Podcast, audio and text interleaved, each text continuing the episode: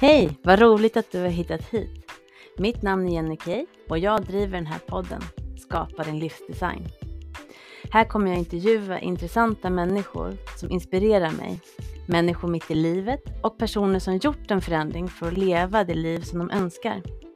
Allt för att du ska kunna känna igen dig och få tips och hjälp och skapa just din egen livsdesign. Vi kommer bland annat att prata om tid, energi och pengar i en härlig blandning. Jag hoppas att du vill följa med på poddresan Skapa din livsdesign med mig, Jenny Kay.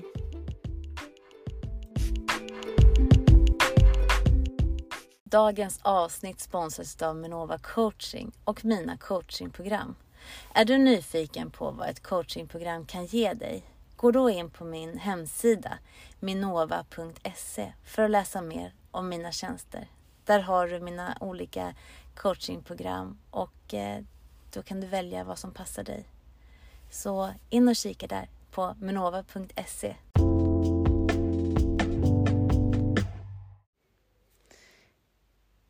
Din historia vs din framtid. Många, både som privatperson och som företag, lever mycket i sin historia istället för att leva i sin framtid. Så märker de att de har haft hinder tidigare som du har mött. Då lever du i det. Att så fort det kommer en sån typ av problem eller utmaning då går du tillbaka till din historia. För det är det så som hjärnan gör. Den letar i dina minnen. Men om du då har gått igenom en tuff period som var svår för dig och du tar fram det minnet, då innan problemet ens eh, har börjat med att nystas upp så lever du i den här rädslan, i den här tron om att det kommer vara likadant.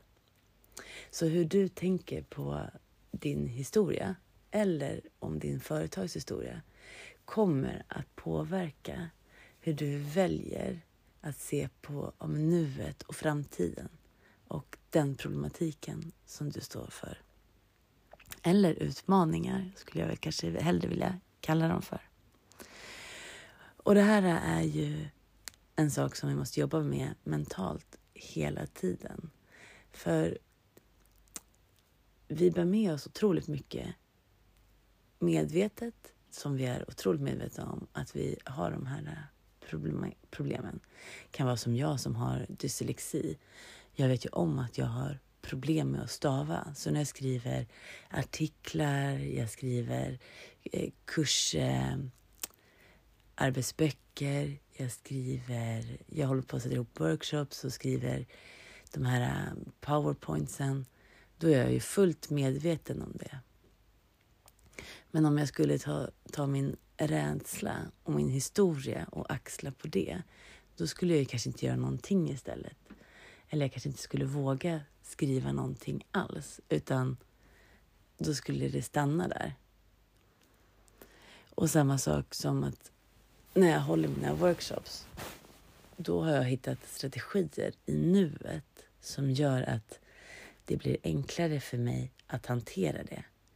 Så istället för att andra ska påpeka mina eventuella stavfel, då för, alltså för jag det genom att jag berättar om min historia. Men jag låter inte den hindra mig. Så jag berättar min historia om att jag har dyslexi, om jag tycker, att jag tyckte det var jobbigt att stå och skriva saker framför tavlan och läsa högt. Att jag tyckte det var obekvämt att jag vände och vred på ord. Sen betyder inte det att jag kommer lämna ut arbetsböcker eller kursmaterial med stavfel. För där kan jag bestämma om min nutid. Jag kan bestämma att jag skriver allting, sen lämnar jag in det till antingen till en copywriter eller till någon som kan läsa igenom min text och rätta mig. Jag har både min bror, han är jätteduktig, min syster är jätteduktig. Jag har min man som är superduktig och min äldsta dotter är duktig också på att liksom se stavfel eller ifrågasätta ifall att de inte riktigt förstår. För där har jag en sak också, att jag kan ligga så många steg före i mina tankar. För jag har otroligt mycket energi, så jag har mycket, mycket framåtkraft. Så. Men det kan ibland hindra mig att jag skriver korrekt. För när jag skriver en sak så hamnar jag tre steg framåt sen i nästa mening. Vilket gör det omöjligt för den som läser att förstå den röda tråden. Och där är det ju bra att ha någon som verkligen frågar och ifrågasätter. Vad är det du menar här? Men här är det en stor skillnad. För om jag eh, har bett om att de ska läsa igenom mina texter, då är jag ju mottaglig för den konstruktiva kritiken och jag vill ju verkligen ha den. Men om jag står i en föreläsning eller en workshop och så skriver jag några meningar på tavlan, då skriver jag ju inte heller som en lång harang som det behöver vara en röd tråd. För den röda tråden går i mitt tal, i mitt eh, eh kommunikation, med kroppslig kommunikation och sånt. Och mina interag interagerande med de som är med och lyssnar. Då är det ju mer att jag har eh, eventuella stavfel då på whiteboarden som jag skriver i, när jag skriver i nuet. Och där känner jag att det är så bra att jag varit tydlig med att sagt att jag inte eh, kan stava alla gånger. Att jag har den, den eh, problematiken som dyslexin innebär. Att jag har svårt att stava och jag ser inte när det är fel. Det är liksom omöjligt för mig. Ehm, och då, och då är ju det en fördel. Då har jag ju liksom påverkat nuet. Jag är medveten om min historia och jag påverkar nuet och framtiden. För det här är också viktigt just ifall att man står och föreläser eller att man gör någonting i grupp. Att de som ser de här stavfelen, de kan ju bli väldigt så här, fokuserade på dem. Och då tappar de mitt budskap. Det jag säger till människor. Men har jag sagt att jag har den problematiken, då kan ju de släppa det. För det är inte så att jag bara skriver massa ord och meningar på tavlan utan att säga vad det är. Utan då kan jag bara säga då i sådana fall. Vad som står. Och sen så får folk tänka, tänka då att ja, men det var lite tokigt stavat. Men jag kan släppa det. Så det här är saker och ting som kan... Alltså det, det som gör att sånt som jag tänker och egentligen kunna påverka mig negativt, det gör så att jag tänker det, är medveten om det och det påverkar mig egentligen då positivt. För att jag öppnar upp för en problematik eller en utmaning som jag har, det stärker ju oftast en person istället för att man gömmer de problem som man egentligen har. Så istället för att hämma mig så, och inte ta mig framåt och jag önskar att jag ska bli av med det, vilket jag såklart skulle tycka att det var superskönt om jag bara med en trollspö kunde lära mig att stava och hålla den röda tråden i texter så att alla skulle förstå. Eh, då är det ju bättre att jag talar min sanning och att jag formar min framtid som det är. Och så gäller med allt. Det gäller ju med ja, men, ekonomi också. Och speciellt i början om du startar bolag. Eller om du har en ny arbetsgrupp eller att du precis ska börja sätta budgetar och sådana saker med din ekonomi. Då är det också lätt att man tar med sig sina gamla värderingar och utmaningar istället för att man ser det som nytt, att du kommer liksom framåt. Och det här eh, hämmar, hämmar en om, om man gör det. Och om man har haft några tuffa år eller att man som nu när lågkonjunktur står inför dörren, då är det många som blir oroliga, rädda och de håller lite tillbaka istället för att egentligen i en lågkonjunktur kanske du ska pusha fram dina erbjudanden ännu mer. Du ska visa att du finns, du ska prata med högt och lågt om allting som du erbjuder. Då är det lätt att man drar tillbaka och lägger sina egna värderingar hos andra. Att dina utmaningar, som att ah, folk blir av med jobbet, folk kommer inte ha pengar, det är dyrt med elen, maten, eh, de har inte råd att resa och alla de här eh, valda sanningarna som du har. Det är klart att det kan vara så.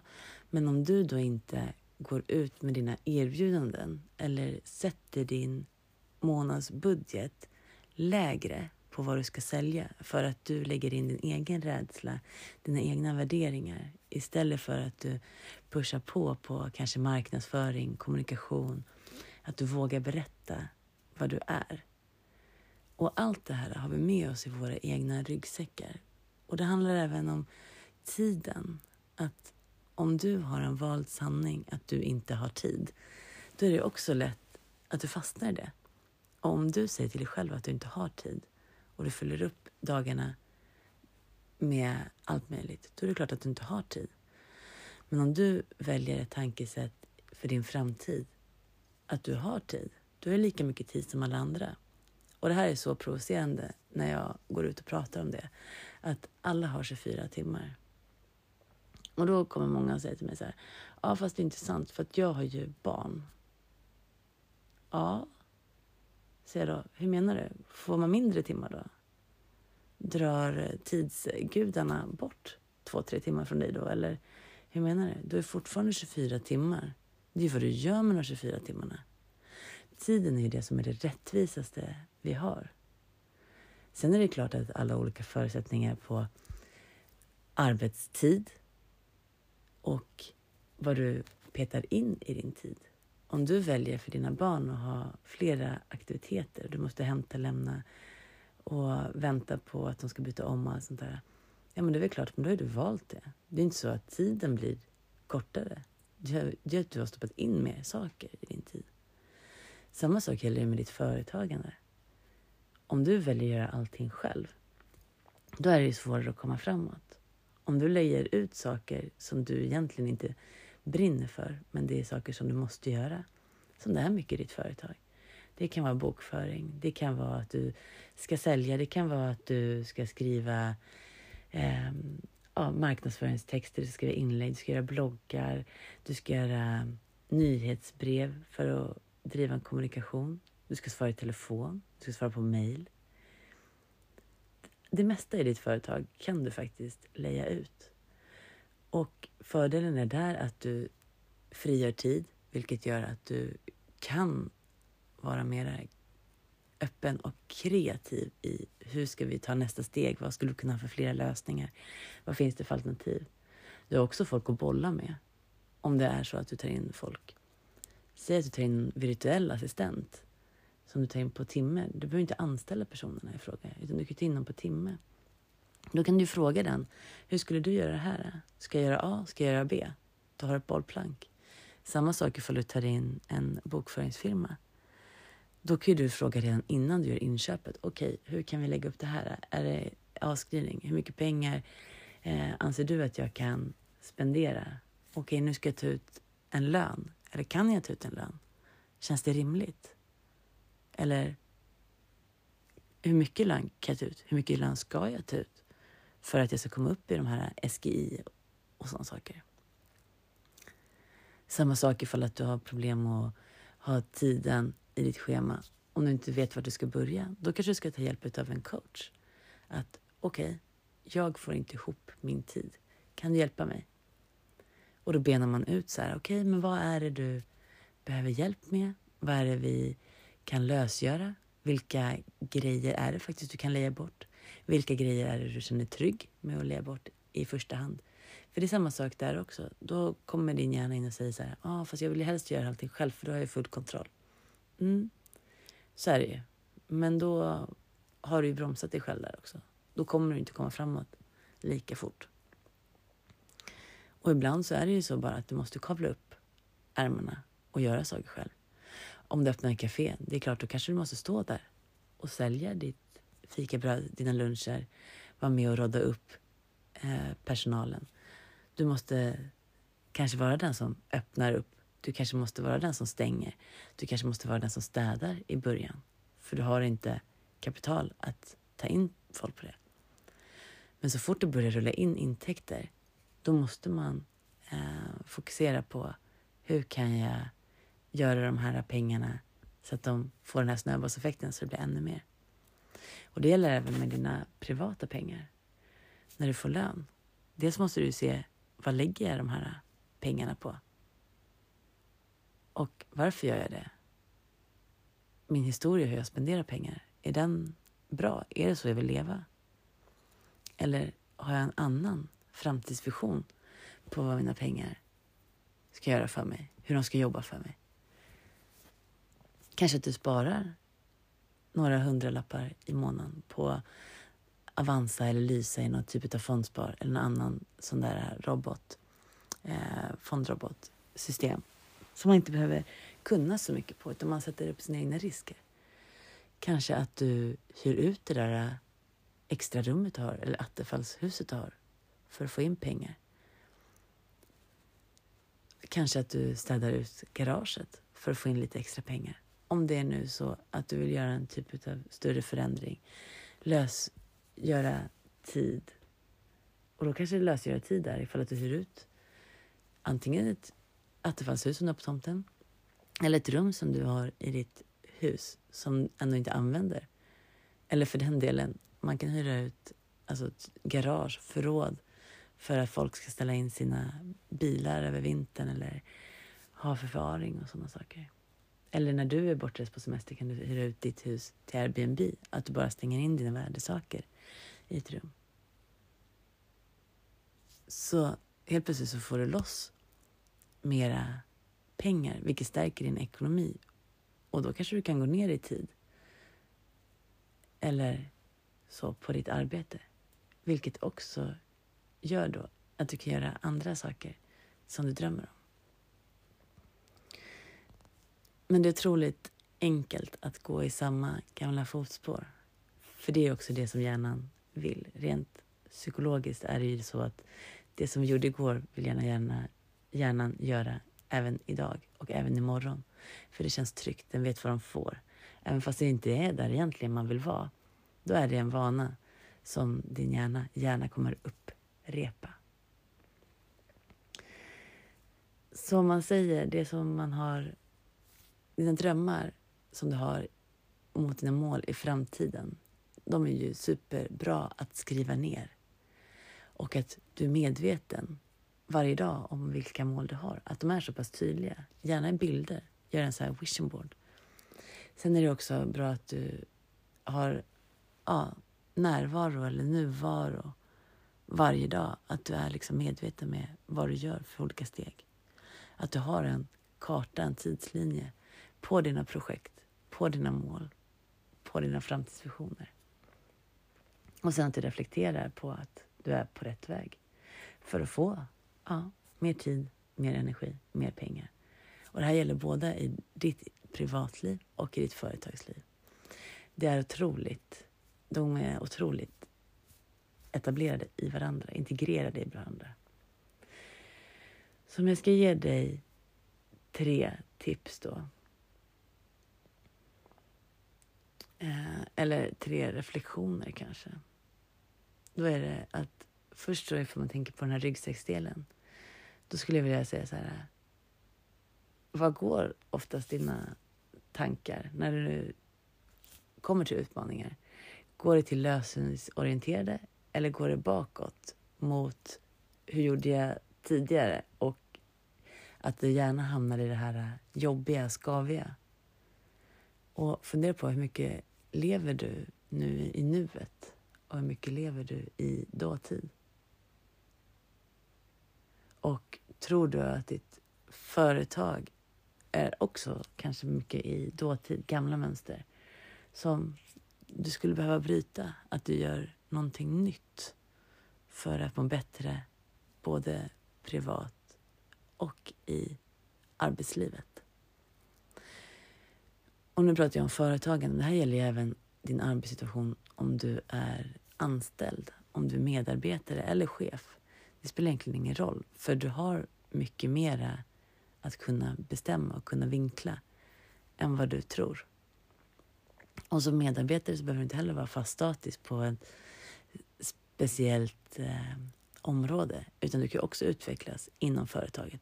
Eller att du går vidare utan att vara egen företagare. Men man kan ju också byta arbetsplats, arbetssituation, om man inte är helt nöjd. Men även det kräver ju sin reflektionstid, sin tanketid och vart, veta vart man vill. Och då kan det vara bra att man stannar upp, reflekterar. Vad är det som jag inte är nöjd med idag? Och hur är det jag vill ha det?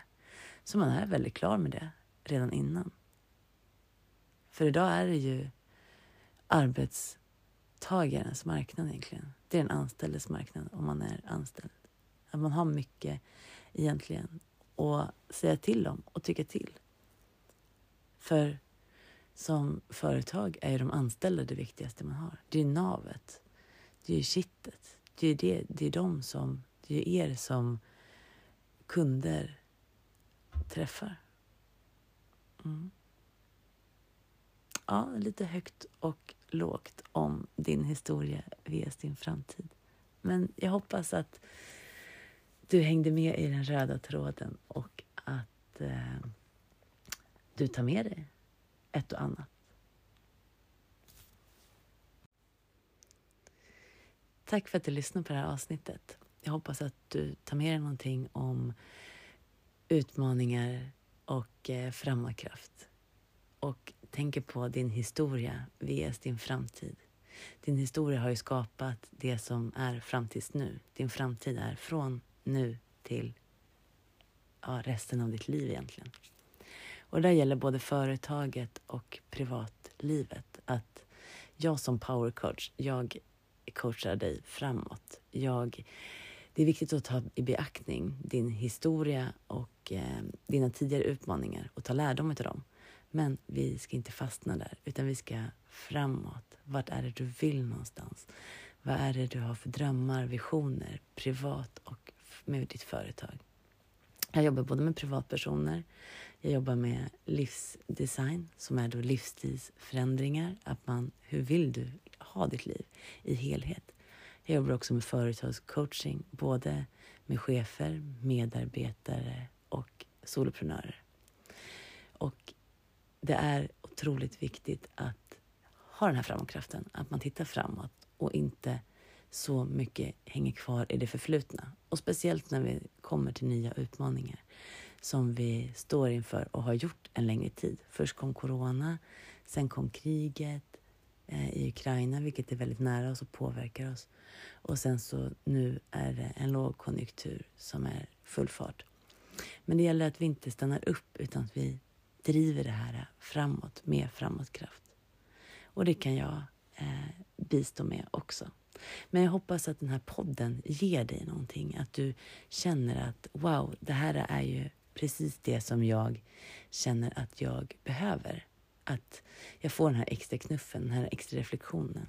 Och är du en av dem som känner det, då skulle jag bli superglad om du ger en recension i din poddapp där du lyssnar. Eller att du kanske skriver någonting om det på din story på Instagram eller någon annan typ av sociala medier. Det skulle betyda oerhört mycket för mig att eh, nå ut till fler och kunna hjälpa mer. Och nu tycker jag att du ska ta med dig bitar från det här avsnittet och gå ut och skapa din livsdesign. Ha det så gott. Hej!